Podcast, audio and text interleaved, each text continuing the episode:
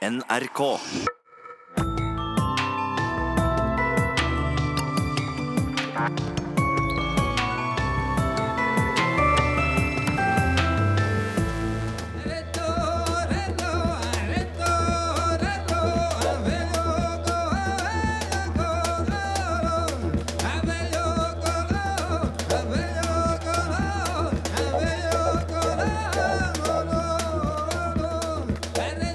Det vi hører her, er Vimme Sarri og Hedningarna med joiken Riddu Riddu i et liveopptak fra Riddu Riddu-festivalen, en joik de improviserte frem. Og nå på onsdag 12. juli går den 27. Riddu Riddu-festivalen av stabelen. Urfolksfestivalen som hver eneste sommer arrangeres i Mandalen, 15 mil nord for Tromsø. Den er blitt en av de mest anerkjente festivalene i Norge.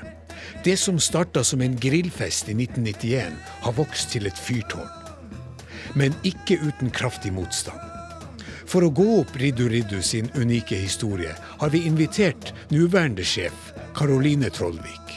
Vi har også med den aller første festivalsjefen Lene Hansen og Henrik Olsen og Geir Tommy Pedersen, som også var med på å legge grunnen for å arrangere de første festivalene. Og vi har med Ragnhild Dalheim Eriksen og Kirsti Lervold, som etter hvert overtok som festivalsjefer. Først til deg, Karoline Trollvik. I din tid som festivalsjef er dere blitt oversvømt med anerkjennelse. I fjor med hyllest fra kongehuset, da dronning Sonja åpna festivalen. Og i år politisk anerkjennelse fra regjeringen, i og med at kulturministeren kommer og vil stå for den offisielle åpninga. Hvordan føles det å stå til rors på en suksess av en festival? Det føles uh, utrolig uh, flott uh, og sterkt, og ikke minst overveldende til tider.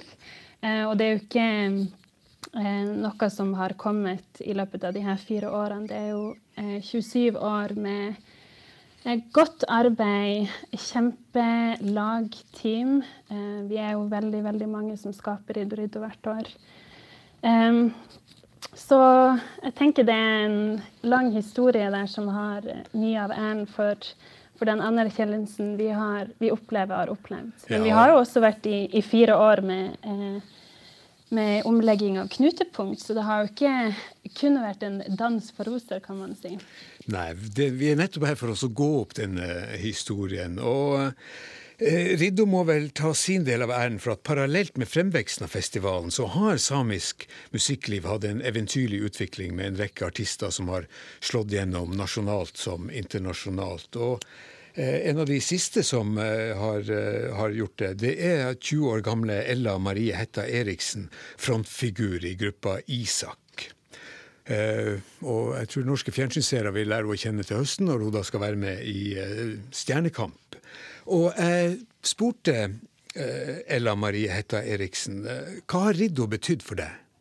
Riddo har jo alltid vært en sånn bauta vi alle artister har eh, strekket oss etter, tror jeg. Og så er det jo selvfølgelig en festival hvor urfolk samles, og det har alltid vært et sånt høydepunkt for både meg og mine venninner å, å reise dit og enten være frivillig eller bare være der for å nyte konsertene. Du har opptrådt på, på, på Riddu Riddu, og hvordan er det å komme dit som artist? Nei, Vi spilte jo der i fjor når Isak hadde sin debut sommer, og det var uh, Det er jo den største konsertopplevelsen jeg har hatt. Det var utrolig, utrolig masse folk der som sto foran scenen, og uh, det var en veldig varm velkomst å få lov til å komme og spille på Riddo. Uh, ja, i tillegg til at det var Ja, det var jo en sånn milepæl for meg som artist. Nå som vi har Karoline eh, Trollvik, nåværende festivalsjef, og tidligere festivalsjefer i, i, studio, hva vil du si til dem? Jeg vil si at den jobben dere gjør er helt uh, suverent fantastisk. Og, og, jeg kjenner jo Karoline fra før, og jeg, har jo vitna at uh, det arbeidet hun gjør, er liksom Det er så gjennomført velmenende og det er så viktig og, og, fint å se noen som tar den jobben som på alvor. Lykke til med festivalsommeren, eh, Ella Marie Hetta Isaksen. Tusen hjertelig takk. Men la oss gå opp historien. Jeg sa til å begynne med at eh, Riddo Riddo er en unik festival. Og Lene Hansen, du var den første festivalsjefen. Og da du og Henrik Olsen og Geir Tommy Pedersen, som også er i studio, og flere andre starta Riddo Riddo i 1991, så vet jeg at dere ikke hadde sett for dere at den grillfesten skulle vokse til et fyrtårn av en institusjon i Kultur-Norge. Hvordan starta det hele?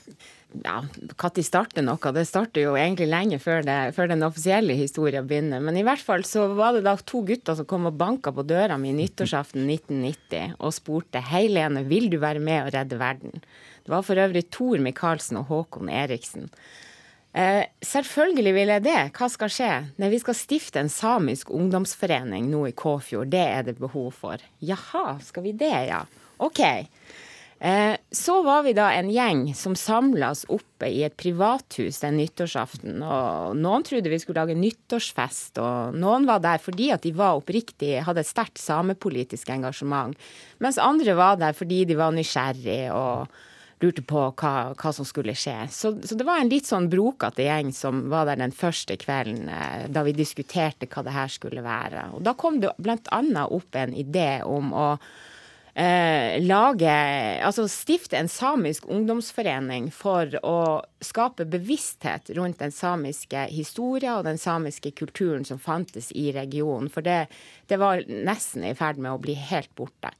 Eh, og Det var utgangspunktet. Og, og, da stiftelsesmøtet var, så var det jo noen som eh, ønska å jobbe veldig sterkt politisk. Det var kanskje det vi, vi, vi var sterkest på de, de, første årene. Helt til vi skjønte at vi når ungdommen mye enklere gjennom eh, kunsten og kulturen. Så vi begynte jo da å arrangere ja, som sagt, den her såkalte grillfesten, da, som, som skulle ende opp i et, et, eh, kulturarrangement.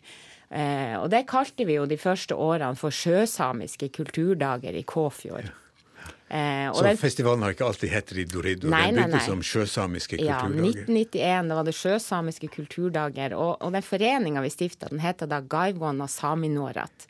Kåfjord Sameungdom. Og vi var da de offisielle arrangørene av de her kulturdagene, som, som da starta med aller først med en grillfest på, på Oppi dalen, var det vel. Når dere kom sammen da i eh, 1991, så er dere del av en samisk eh, oppvåkning. Det var et eller annet som ikke var sånn som det skulle være i, i Kåfjord. Det var noe dere ville rette på. Ja, det er klart at vi hadde Vi vokste jo opp, vi er jo alle som, som var med på det her til å begynne med, er jo født i slutten av 60-tallet og, og, på tidlig 70-tall i, i all hovedsak. Og vi var jo vokst opp i en tid der vi eh, overhodet ikke fikk noe hva jeg skal si, verken kunnskap eller offisiell bekreftelse på at Kåfjord hadde en slags samisk historie. Eh, det var en oppfatning om at vi, vår identitet, vi var norsk, og historia til Kåfjord og min hjembygd Mandan var i all hovedsak norsk, selv om vi også visste at Jeg hørte jo det samiske språket hver eneste dag fra mine besteforeldre, og, og på butikken og overalt. Og sånn var det jo nesten over hele Kåfjord. Ja, Så dere... den historien ønsker vi å løfte og synliggjøre og skape stolthet rundt. Så eh, Henrik Olsen, du som også var med på første, første runde her. Dere var altså eh, fornorska sjøsamer som ville ta tilbake en eh, sjøsamisk identitet. Er det rett forstått? Ja, det tror jeg, det tror jeg vi var egentlig veldig mye. Og, og som Lene sier, vi, men vi var eh, veldig nysgjerrige allikevel på vår egen historie. Og det skjedde jo mye egentlig parallelt. Det var ikke bare Riddo Riddo som var da. Eh, Sametinget hadde jo sin eh, barndom eh, da også, og, og Kåfjord kommune var jo kommet inn under virkeområdet for samisk språklov. Så det, det skjedde jo parallelle ting. Eh, men eh, som Lene sier, vi visste veldig lite om vår Vi, altså, vi, vi, vi hadde ikke satt inn i kontekst eh, den, den, kulturen, den oppveksten vi hadde. det at vi tross alt eh, hørte språket, men, men, kanskje ikke eh, skjønte hva, hva, hva, var historien bak det. Sånn at det, det, var jo eh, Det ble jo også et, et, et forskningsprosjekt både på det personlige plan og, og, og gjennom det forenings- og etter hvert festivalarbeidet vi, vi drev. Så Geir Tommy Pedersen, du var ikke med på det absolutt første møtet, men du var absolutt med på det andre møtet. Og uh, Hva var det som gjorde at uh, også du ville bli med? Det var egentlig veldig tilfeldig. Det var en barndomskompis av meg spurte om hun ville bli med og starte en samisk uh, forening. Vi kjører til mandag. Har vi kjørt. Og der starta egentlig historien. Men det som jeg syns er veldig viktig å huske på i denne konteksten, hva var Kåfjord den gang? Eh, Kåfjord den gang ikke, I Nord-Troms fantes ingen samisk ofte. Den var ikke brukt på 100 år. Eh, det fantes ingen samiske barnehager. Det fantes ingenting samisk på skolen. Eh, barna var fornorska. Foreldregenerasjonen var fornorska. De som snakka samisk, var den eldre generasjonen. Og det samiske skulle bort. Det var det i 1990, da vi egentlig kom i hop og ville gjøre noe med det. Og det er jo som Lene sier, og eh, det var nok en del av oss var veldig politisk bevisst på den tida. Og, og, eh, det er viktig å ta med seg at man, eh, noen hadde vært med i samebevegelsen. Og det gjorde at man hadde en viss tilknytning og eh, hadde lært noen måter å jobbe på. Kåfjord ligger jo ut langs kysten, og vi, vi deler jo gjerne opp eh, eh, Finnmark og Nord-Troms i samisk kjerneområde og, og, de sjøsamiske områdene. Sånn at den første samiske oppvåkninga skjedde kanskje i de samiske kjerneområdene, men det, det, det skjedde litt senere eh, i, i Kåfjord og, og, langs kysten. Du hadde jo en eldre generasjon som sånn under Altakampen, så du hadde jo en forening, en voksenforening. men det samiske var overhodet ikke synlig, og det skulle ikke være synlig. Eh, for å illustrere hvor tøft det var i begynnelsen. Nå kan man jo snakke om det mange år etterpå, men i en periode så var vi bare en fem-seks stykker som drev med, selv om festivalen hadde vokst. Som drev alt fra pølseselging til å være riddosjef. Så kom du ikke unna pølsebua, for å si det sånn.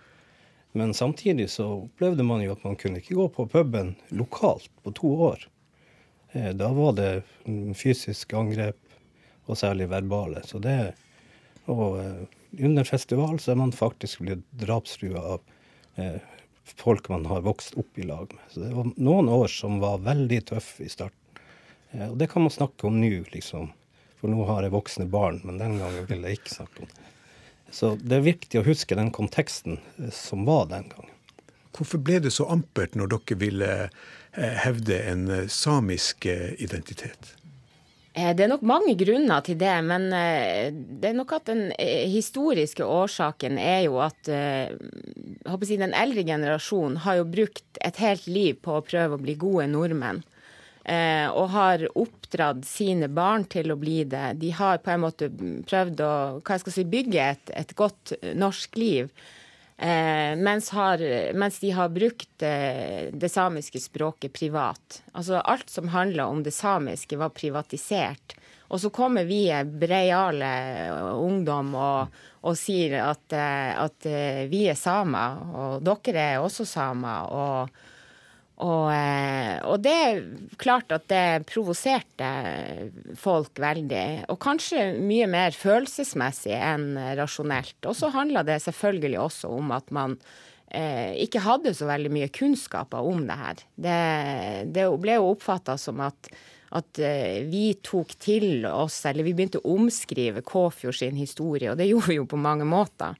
Vi begynte å fortelle en annen historie og ta eierskap sjøl til, til det, det Kåfjord eh, skulle være eller ble fortalt. For Kåfjord har bestandig vært en plass som ikke har hatt veldig høy status. Jeg vet jo f.eks. i Tromsø så ble jo kåfjordinger kalt for muttere på bilverksted. Og, eh, og det, er, det er, mange, mange, som har fortalt historier til, til oss hvor, hvor kåfjordinger har blitt flirt av. Og, og i Kåfjord har, har Kåfjord igjen har mandalinga blitt flirt av. Så, så, det, og ingen har jo lyst til å, å, å, være med i en lavstatusgruppe. Så, så vårt prosjekt handler mye mer om å, å prøve å høyne statusen, skape stolthet, vise at, eh, at sjøsamer finnes, og at vi har en historie som, som vi sjøl kan begynne å fortelle, og som er moderne, og som handler om noe annet enn det som har vært sagt i alle tidligere år.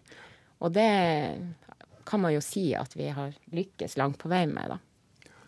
Du Lene Hansen, du skrev jo en bok om uh, Riddu-festivalen. og i, i, forordet til den boka der, så gir du Henrik Olsen en spesiell ære. Du skriver at en særlig takk går til Henrik. Uten deg ingen uh, Riddu-Riddu. Og, hvordan opplevde du, uh, Henrik, å, å stå i, i, i, den kampen som Lene beskriver at uh, Kåfjord var?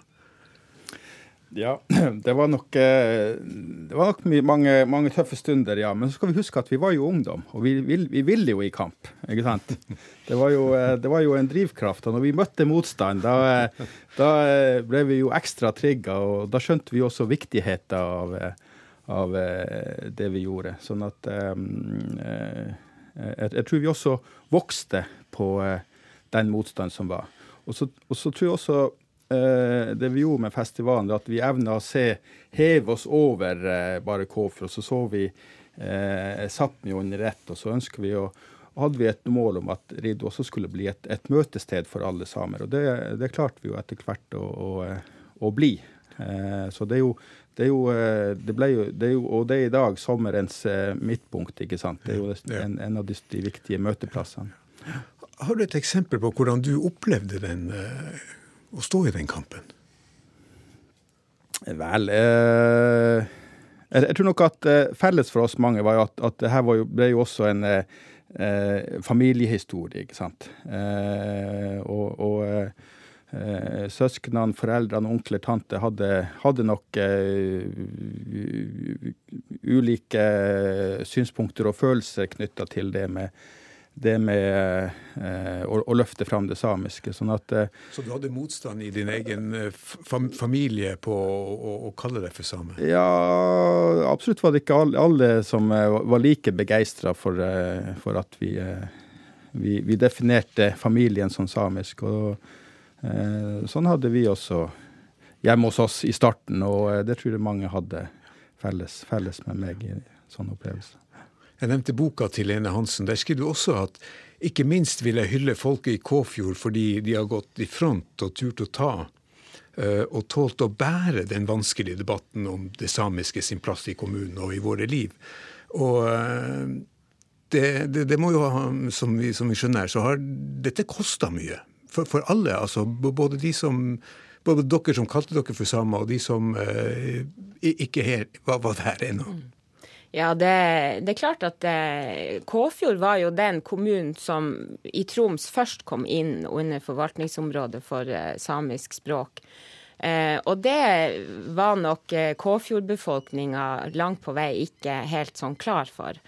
Eh, og, og, og, det ble jo voldsomt mye intern splittelse. Eh, og men det, det, var kanskje også en nødvendighet, for det er jo en, en felles nordnorsk historie, egentlig. Kåfjord er jo ikke unik. Eh, det har jo ettertida vist, og det er jo veldig mange andre eh, kommuner som er, er kommet etter og, og, eh, og, og nå skilte på samisk. Så så jeg bruker å tenke at Kåfjord tok en for laget den, eh, den, gangen. Og man ser jo hvordan de her diskusjonene som var i Kåfjord på den tida, også prega Tromsø under valgkampen i 2011, da, da Tromsø kommune det ble en del av, av eh, diskusjonen om, om Tromsø skulle være med i forvaltningsområdet. Så, så, det har skjedd en bevegelse, og jeg tror også det at uh, den tida da Riddo vokste Jeg tror det lå et latent behov i, i folk rett og slett til å, å bli kjent med denne historien, historia, familiehistoria, slektshistoria, bygdehistoria.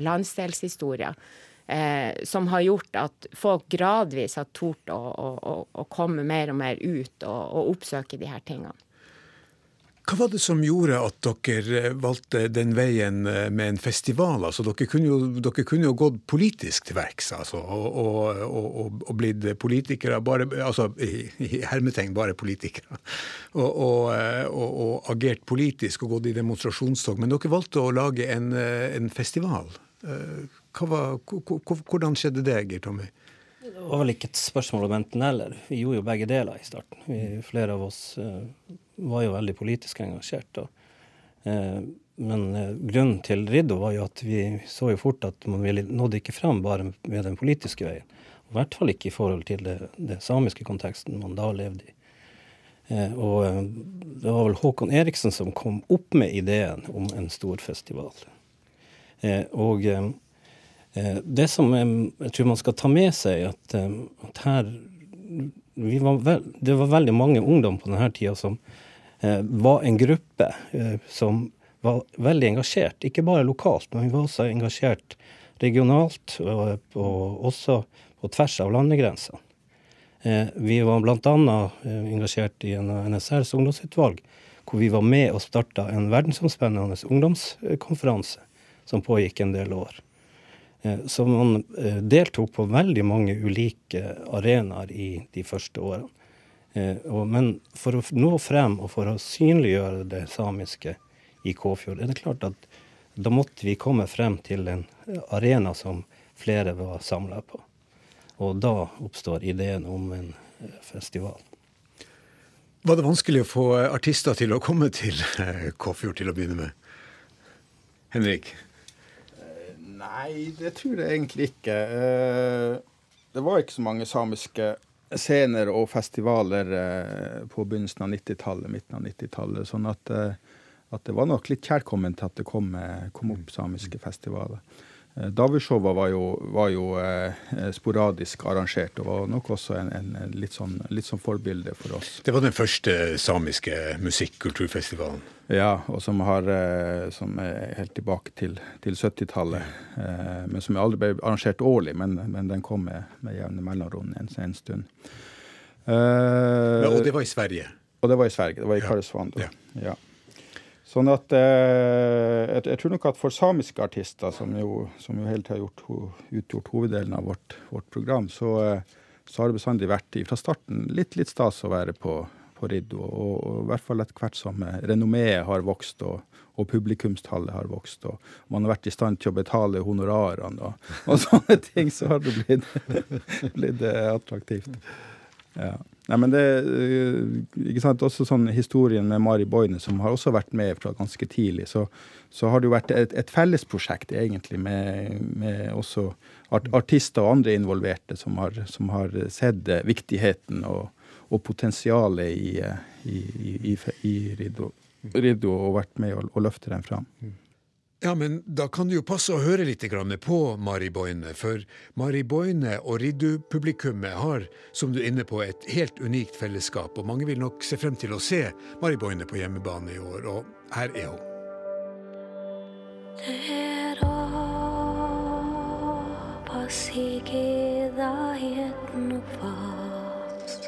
Det då himmel leuchtet hiếc ngơi cho về.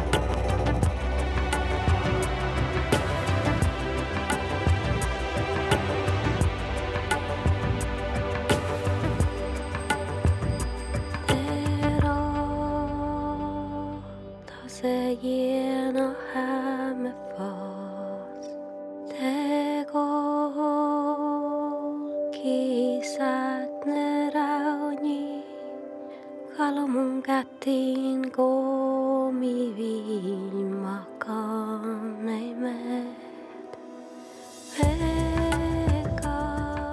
Mari Boine med en smakebit av Elle der. Da hun tok oss under hennes vinger, så merka vi det løftet og hva den ga oss av selvtillit. Eh, så den eh, relasjonen vi har hatt i Mari, den vil vi takke henne for. Det har bare vært, og det er vi veldig glad for den støtten hun har vist oss. Dere har eh, også klart å rekruttere nye, nye generasjoner inn til eh, Riddu Riddu. Og i 2007, Ragnhild Dalheim Eriksen, så ble du ny festival, eh, festivalsjef. Og på, på, på samisk så kaller de det for Riddu Chivga. ja, ridduunge. Ja, ridduunge på, på, på, på norsk. Ridduunge, forklar meg det. Du har vokst opp der, kanskje? På en måte har jeg jo det. Eller jeg vokste jo på, jeg var på en måte barn når, når de her som har snakka tidligere, har uh, Mens de gjorde kampen sin, så var jeg barn i nabokommunen. Uh, I en kommune ikke, hvor det samiske ikke hadde en så sterk posisjon. Det hadde en sterk posisjon i min familie, men ikke i, i samfunnet for øvrig. Og da ble Reddo en så utrolig viktig arena for, uh, for min og vår identitet. For jeg opplevde ikke den kampen som de kjente på. Jeg opplevde Reddo som en stødig og trygg storebror, hvor det var godt å være same. Hvor man kunne komme hver sommer og, eh, og være og, og, kjenne på en måte et fellesskap til det samiske som var godt nok. Selv om man tvilte, kanskje, på hvor samisk man nå egentlig var. Tvilte? Fortell meg. Nei, det handler jo om at, um, at uh, hele, altså hele, min ungdom så lette jeg jo på en måte etter de samiske bevisene. Vi hadde jo ikke språket, vi hadde jo ikke rein, som det sto om i bøkene, men det var jo helt åpenbart at vi hadde en samisk bakgrunn. Uh, og når jeg konfirmerte meg på slutten av 90-tallet, så torde jeg ikke å konfirmere meg i kofte. Men jeg dro jo rett på Riddo på sommeren noen måneder etterpå. Så um, så, eh, så, selv om du er Riddu Chivga, så, du, eh, så, så, så, var ikke den samiske identiteten helt fullt utvikla eh, ennå? Nei, den har jo på en måte fått utvikla seg i lag med Riddo. Fordi at jeg hadde den her trygge storebroren jeg kunne komme til som ungdom og være på festival og, og utvikle min identitet. Og selvfølgelig, etter hvert når jeg begynte å jobbe med festivalen, så ble det jo enda sterkere. Hva slags utfordringer fikk du som festivalsjef i 2007? Da var jo festivalen rukka å bli noen år? Det er klart det var mange utfordringer, og festivalen var jo begynt å bli ganske stor. Det, var, det politiske prosjektet var fortsatt eh, det sentrale og det viktige, samtidig som vi vel i 2008 endelig fikk den, altså den anerkjennelsen som knutepunktstatus da var. Og det var noe som, eh, som hadde vært jobba med lenge. Eh, og når det da forløste seg i, i 2008, så, så stiltes det også andre krav til festivalen. Det var jo en liten lokal forening, og vi var nødt til å endre på organisasjonsformen til et aksjeselskap, f.eks. Så jeg kjente jo på, jeg var jo ganske ung og kjente jo på voksesmerter, som det jo da er når du skal, skal endre på noe som er så organisk og fint som det Riddo var, og samtidig beholde kjernen. For med knutepunktstatus så, så, så, kom også penger, og, det hadde jo vært et tilbakevendende problem i, i alle år. Og, og, det var vel faktisk sånn at uh, dere tok stor personlig risiko, dere tre her som var med på å starte festivalen. For fortell. Ja, altså penger var jo alltid et Det var jo et evig problem. For det er klart, det å liksom ha en utendørsfestival er jo også veldig risikabelt. Og når vi også var såpass kontroversielle, så visste vi jo liksom aldri helt om det, om det kom veldig mye folk og sånt. Men, eh, men eh, vi har nå klart å Det er jo ingen av oss som, som har heva noe særlig lønn, egentlig. Eh, da, I mine år som festivalsjef på 2000-tallet, så fikk jeg et uh, honorar på 20 000 i året. så, så det, det, har ikke vært så veldig fett, for å si det sånn. Så, så, eh, og vi måtte jo ta opp kassakreditt også for å klare å betale regningen vår i forkant av festivalen. Så det har vært et, et Vi har nok betalt mye økonomisk, men fått mye, mange andre ting igjen for det. Ja, og dere har kausjonert Eh, og satt hus og hjem på spill. Henrik? Ja, det var vel nesten en årlig forteelse på begynnelsen av 2000-tallet. I 2002 tror jeg vi hadde et underskudd til slutt på 850 000. Eh, det var året vi, vi gjorde noen Vi bygde ny scene, og vi hadde Yuti Indi på eh, satsa, satsa, stort, og det svei litt etterpå. Eh, så det var det, da var det å kausjonere holdt si, huset hjemme for, for dem som da satt i styre og stell. Eh, og det var, det, var, det var, vel normalen eh, i en periode. at eh, det tok, og, og, I forkant og etterkant av det, så det tok jo noen år å bygge opp eh, festivalen sin, sin, økonomi. Men jeg tror også det var en, en litt sånn kalkulert eh, satsing på den tida. At eh, det, var, det, var, for å heve statusen, og, og kanskje også det, det internasjonale perspektivet festivalen kom, kom tungt, tungt inn da, som, som jo kosta litt. Men, eh, men, det var jo også en langsiktig investering i, i festivalen sin framtid. Ja, for da definerte dere festivalen som en, eh, som en bred internasjonal urfolksfestival. Og vendepunktet kommer med Du nevnte Yutu Yindi, som er fra Australia. Eh, aborigine fra Australia. Eh, dere har hatt artister fra, fra, fra urfolk fra hele, hele verden, så å si, i Kåfjord? Ja, eh, det, kan man, det, kan man, trygt og godt si. Eh, og, eh,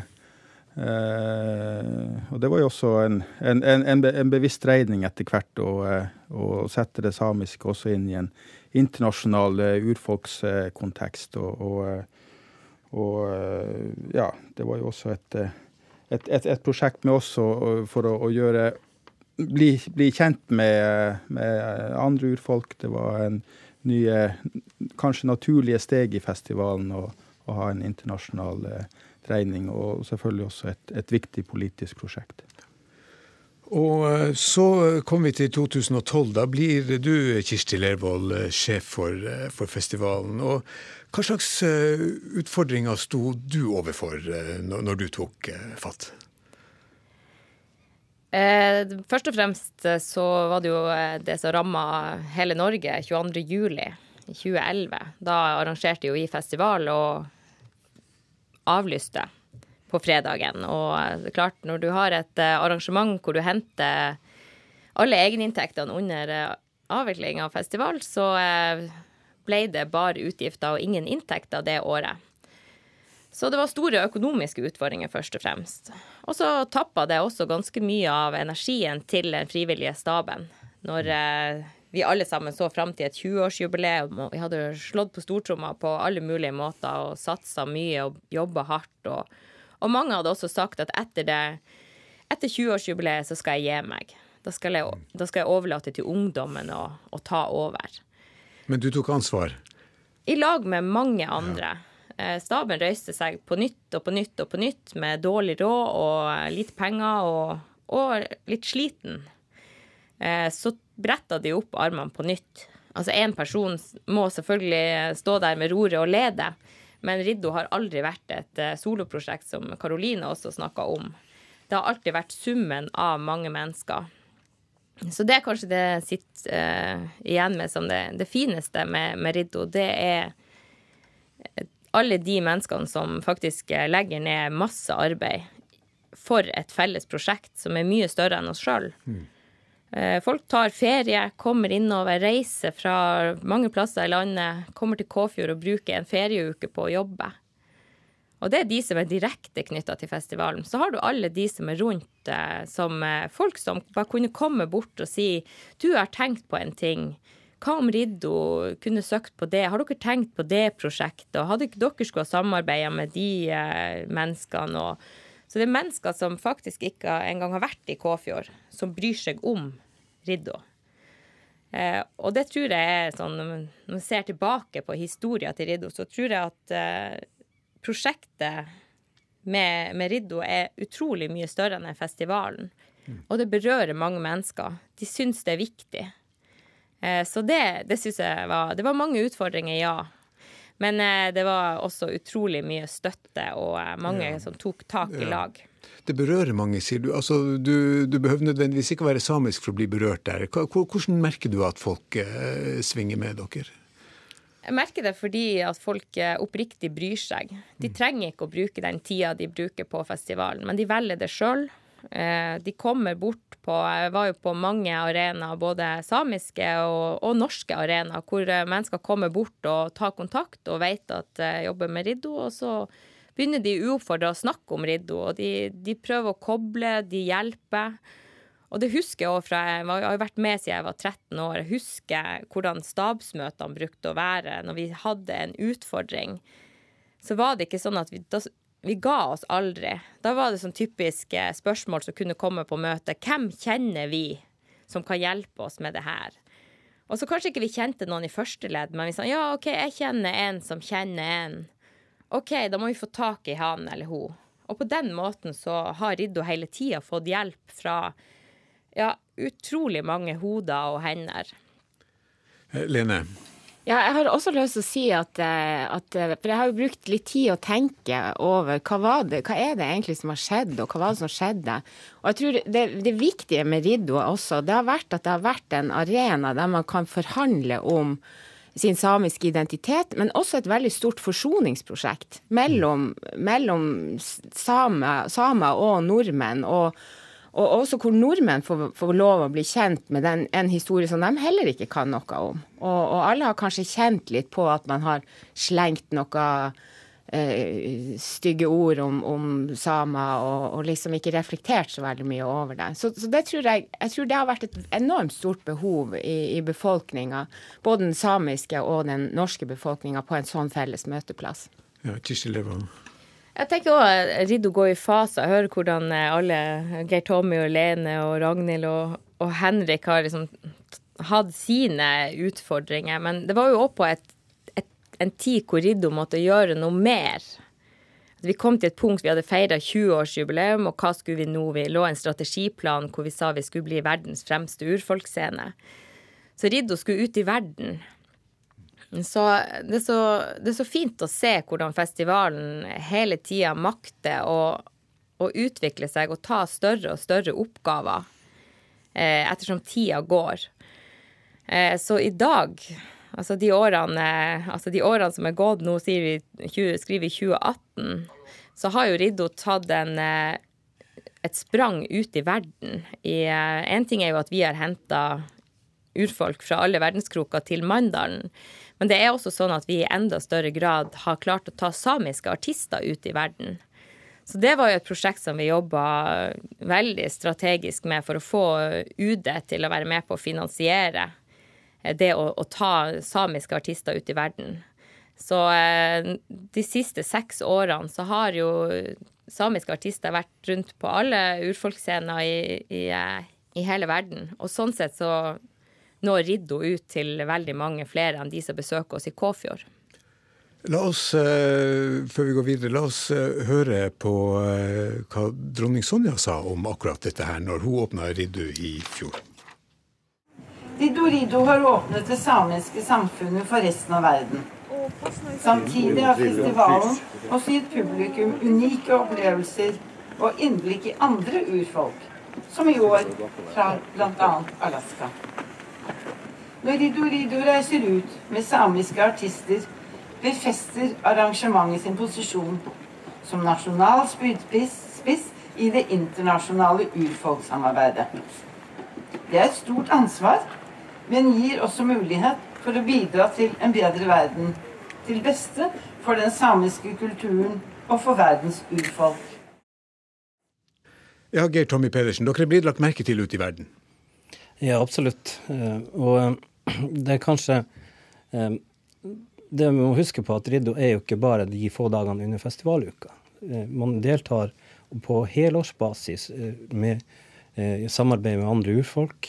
Man deltar, har deltatt i FN-systemet. Man har vært med på FNs miljøprogram.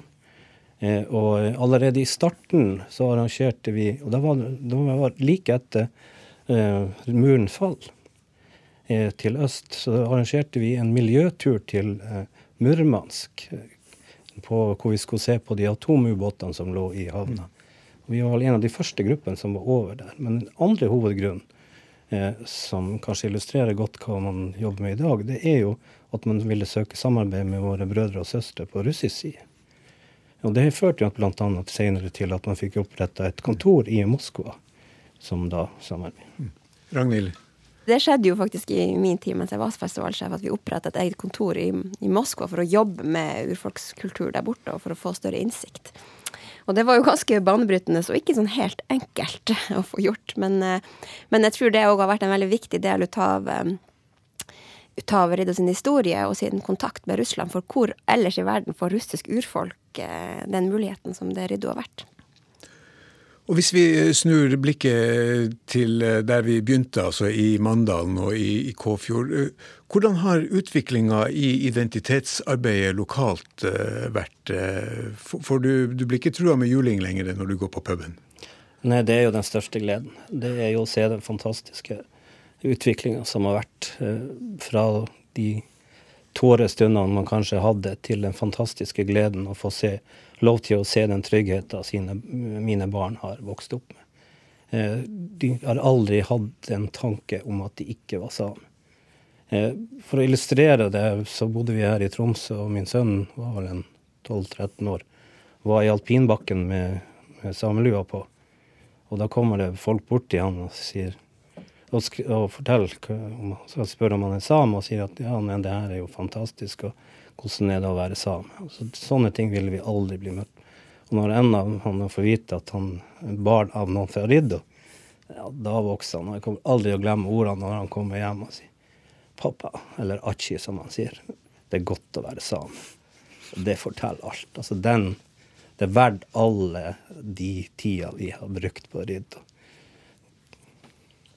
Ja, jeg må også bare få føye til der, for jeg kjenner på en sånn dyp takknemlighet eh, til de som sitter her i studio i dag, men også med flere som var med å bygge det det var til å begynne med, og den kampen de tok. De har gjort, den kampen der har kosta så mye for dem, men den har gjort alt for det samiske i dag. Eh, det har gjort mye for min generasjon og for generasjonen som kommer etter, som i dag virkelig har en leken og levende sjøsamisk festival i Kåfjord. Det, det er jeg dypt, dypt takknemlig for. Og Henrik Olsen, eh, i, i, går det bedre i din, din familie nå? jo da, eh, det er fred og fordragelighet i min familie, og sånn, sånn er det vel over hele linja. Men eh, ja, det, når man ser tilbake 20-30 år, så, så selv om det ting har skjedd, eh, gått tidvis, syns man sjøl i snegletempo, så, så, er det jo, eh, så er det jo skjedd utrolig mye. Nå snakker vi om et, et, et, et generasjonsperspektiv, ikke sant. Og, eh, og mange av våre, våre, barn som sitter, av oss som sitter rundt studio her, snakker jo, er jo samisktalen i dag. Så det går faktisk an å også snu språksituasjonen og, og, og identitetsoppfatninga hos en, hos en bygd og hos en generasjon på, på, i, på, på det tids, tids, tidsrommet vi snakker om her. Så det, det har skjedd utrolig mye. Du bor ennå i Mandalen. Du er borte av og til. Du er jo, du er jo sametingsråd, sånn at du er jo i, i, i Karasjok en, en, del. Men, men, du bor jo i Mandalen. og eh, Hvordan vil du karakterisere situasjonen i Mandalen i dag i, i forhold til i 1991, da dere starta Riddu Riddu? Nei, altså i det samiske perspektivet så altså, Mandalen og Kåfjord fremstår i dag som en, en stolt eh, samisk bygd og en stolt samisk kommune. Det er ingen tvil om det. Det er sikkert eh, fremdeles ulike oppfatninger om, eh, om identiteten og historien, men, men eh, det, det, konfliktnivået er jo ikke der i det hele tatt som, som det var mm. tidligere. og eh, og eh, det er politisk akseptert, og ikke minst i, i barnehage- og skoleverket det er jo skjedd så veldig mye mer, som, som jo er viktige, viktige oppdragende og, og eh, kunnskapsformidlende institusjoner. Så, så eh, det, det er jo en helt ny tid. Ja, Karoline Trollvik, du er nåværende festivalsjef. Er mission completed? Eller? Mission er nok ikke completed, for Riddu skal jo bestå i lang tid fremover og trengs absolutt fortsatt, men kanskje eh, i mye større grad også i forhold til kunsten og den urfolksmøteplassen det skaper. Jeg har også lyst til å si at det er en utrolig motivasjon å sitte her og høre på rebellene og pionerene våre en uke før festival. Det, det er stor respekt til, til det de har gjort.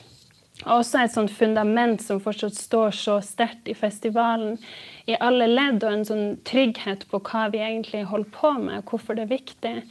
Og at de allerede da, i 91, selv om det var en grillfest, så var det også starten på noe veldig stort. Og jeg bruker egentlig ikke å kalle det en grillfest. Jeg tenker at det var et, eh, en politisk eh, startbjelle som gikk, og eh, noen utrolig rebelske personer som torde å, å gjøre noe. Eh, det er også et sitat fra Jeg vet ikke helt hvem det her er, fra tidligere stav, men at Riddo alltid kom til å være anarchy, youth power and rock and roll. Eh, og det er jo også en sånn fin tanke oppi alt det vanskelige, at det skal også være artig, og det samholdet så viktig. At man kjemper i lag. Ja. Du, Karoline, eh, da du ble sjef, så husker jeg at jeg stussa litt når du uh, uttalte deg først i avisa. Du sa at uh, din drøm det var å få Alisha Keys til uh, Riddu Riddu. Og det, jeg stussa litt over at en sånn av et en rhythm and blues-artist Vil ikke det bryte med profilen til festivalen? Men så oppdaga jeg at eh, du også sa at eh, Alicia Keys var engasjert i urfolksrettigheter, eh, at hun var Amnesty Internationals talskvinne for kampen for urfolksrettigheter i Canada. Og da sa du at det er viktig at artistene er kunstnerisk dyktige og uttrykker verdier vi står for. Så det ser ut til at du fører videre det som de starta her i 91. Likevel. ja, det var ikke, jeg sa ikke det når jeg starta. Eh, og jeg ble, eh, fikk det spørsmålet på tampen av fjorårets festival. Oh, det var i fjor, ja. ja ok. litt omtåka, men, eh, men, absolutt. Det er jo også det det handler om, at, at andre enn urfolk sjøl også tar den kampen og viser solidaritet og forståelse og kan tale vår sak. Og Det er jo også det eh, Lene også var inne på, at Riddo handler jo veldig mye om det å øke kunnskapsnivået generelt. Ikke bare for oss som er samer, at vi skal forstå vår fortid, men at hele Norge og hele verden skal forstå eh, urfolk sin plass i samfunnet i dag og i fremtida. Og eh, nå begynner du å gjøre klar til, eh, til, årets festival. Og i år er det jo kulturminister Trine Skei Grande som åpner festivalen. og hun kunne ikke være til stede i dag og ute og kjøre bil, men eh, jeg spurte henne hvorfor hun ville til Ridu Ridu. For det første er det en festival som jeg alltid har hatt lyst til å vært innom og aldri har hatt, uh, hatt, muligheten til å få til. Så når jeg faktisk ble invitert til å komme og åpne den, så kunne ikke jeg la den sjansen gå fra meg. Dette er jo en spennende festival som jeg har hørt så mye om. Og, og ja, jeg gleder meg til å oppleve stemninga på den. Ja. Du, når eh, det her går på lufta, så sitter nåværende festivalsjef i studio med tidligere festivalsjefer og andre som har vært sentrale i å jobbe fram Riddu Riddu. Og du treffer dem jo om få dager. Og jeg tror dem er spent på hva du vil legge vekt på når du skal snakke med dem. Og jeg er også veldig spent på hva slags beskjeder du har med til uh, Riddu Riddu. Jeg syns jo det er viktig å løfte uh, kulturfeltet som og på dette området som handler om urfolkskultur. Jeg tror at dette er noe som kommer til å bli viktigere og viktigere for Norge og for identiteten vår framover. Eh, jeg tror jo at jeg ser jo på kunst og kultur som ytringer, og dette er et veldig viktig område. At ytringer kommer fram, og at vi får eh, muligheten til å oppleve ja, dette kulturfeltet og se hvordan det utvikler seg og, og forandre seg med de folkene som bærer det nå framover. Ja. Dronning Sonja åpna jo festivalen i fjor, og jeg tror at festivalen er stolt over at kulturministeren følger opp med å komme i år. Og hvis jeg skal tolke riktig det du sier, så må vi se på din tilstedeværelse også som et politisk signal.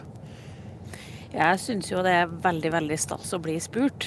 Eh, og den første turen jeg tok som kulturminister, var jo til Finnmark for å besøke, besøke Sametinget og Beivars og de viktige sentrale samiske institusjonene vi har i, i det området. Eh, for meg er det viktig å, å løfte de ulike kulturuttrykkene og kunstuttrykkene og vise det mangfoldet vi har i, i Norge i dag. Og da er jo dette en fantastisk mulighet til å ja, løfte fram en av de festivalene som bidrar nettopp til den bredden. Og, og, helt til slutt, og da forstår, jeg forstår det rett at da gjør du dette ikke, ikke av plikt, men av glede? Nei, dette har jeg gledet meg til lenge. Eh, og vi, jeg tar det innimellom noen feriedager for å nettopp å få oppleve dette. God festival, eh, kulturminister Trine Skei Grande. I like måte.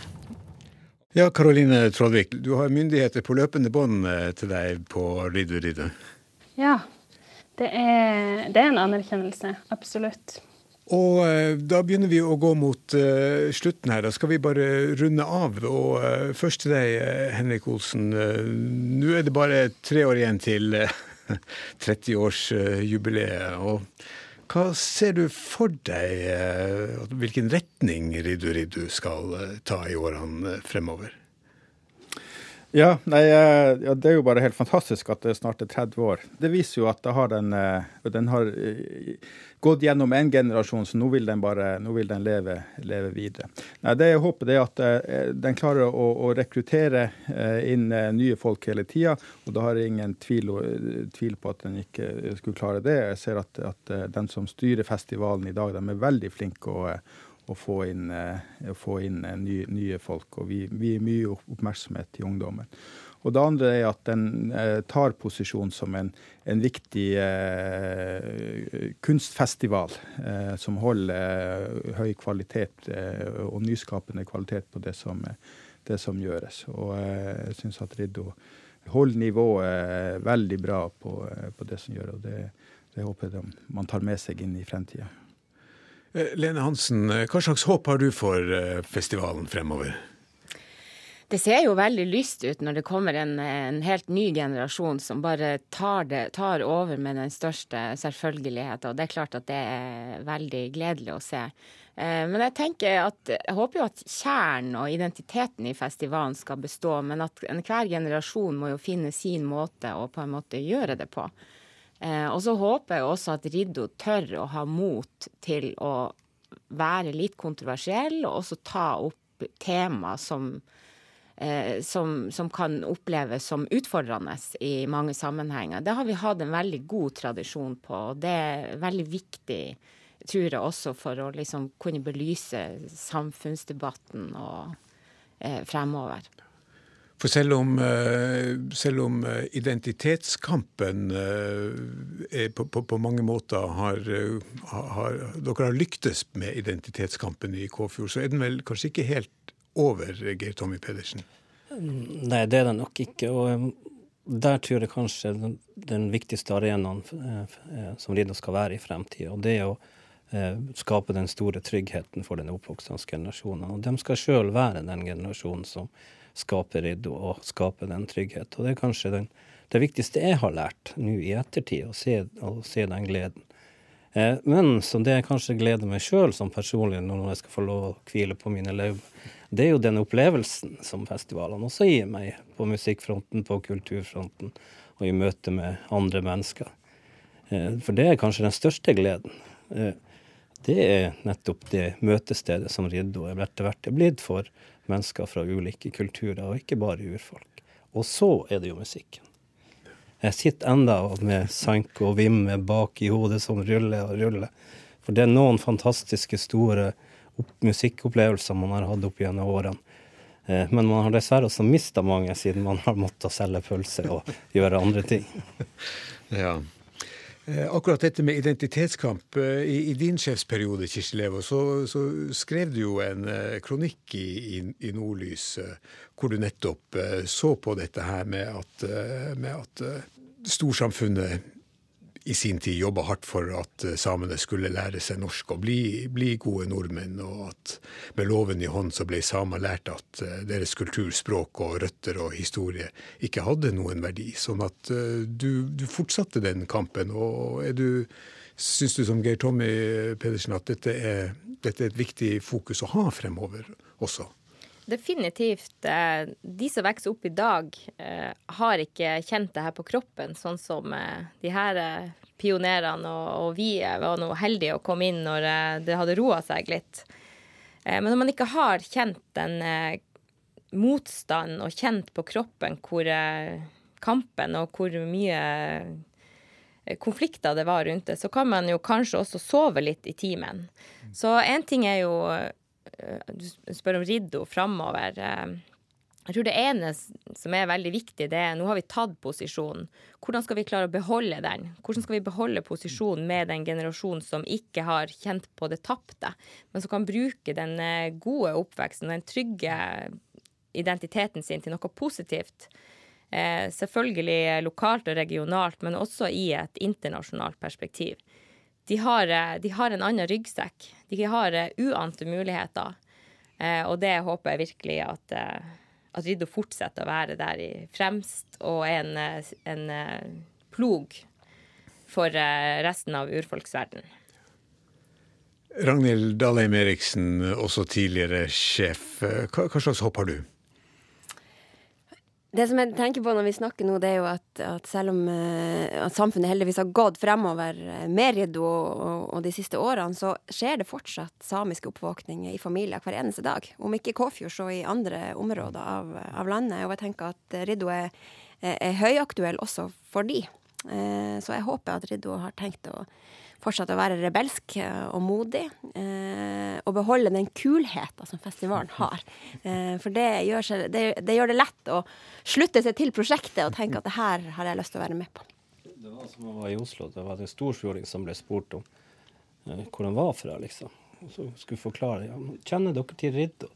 Og når en storfjording begynner å forklare Storfjord og vise til Riddo, da har Riddo gjort mye. Ja, og fordi ikke helt lokalt kjente, Storfjord er nabokommunen. ja. Og med det, så, så med den oppsummeringa, så får vi bare ønske Karoline Trollvik, leder for uh, årets festival, uh, lykke, lykke, til. Du går avgjort, og nye krefter kommer, og det ser veldig lyst ut for Riddo, vil jeg tro. Ja, det gjør det absolutt. Ologito. Ologito. Tusen takk. Og da er vi tilbake med Hva skjer neste uke.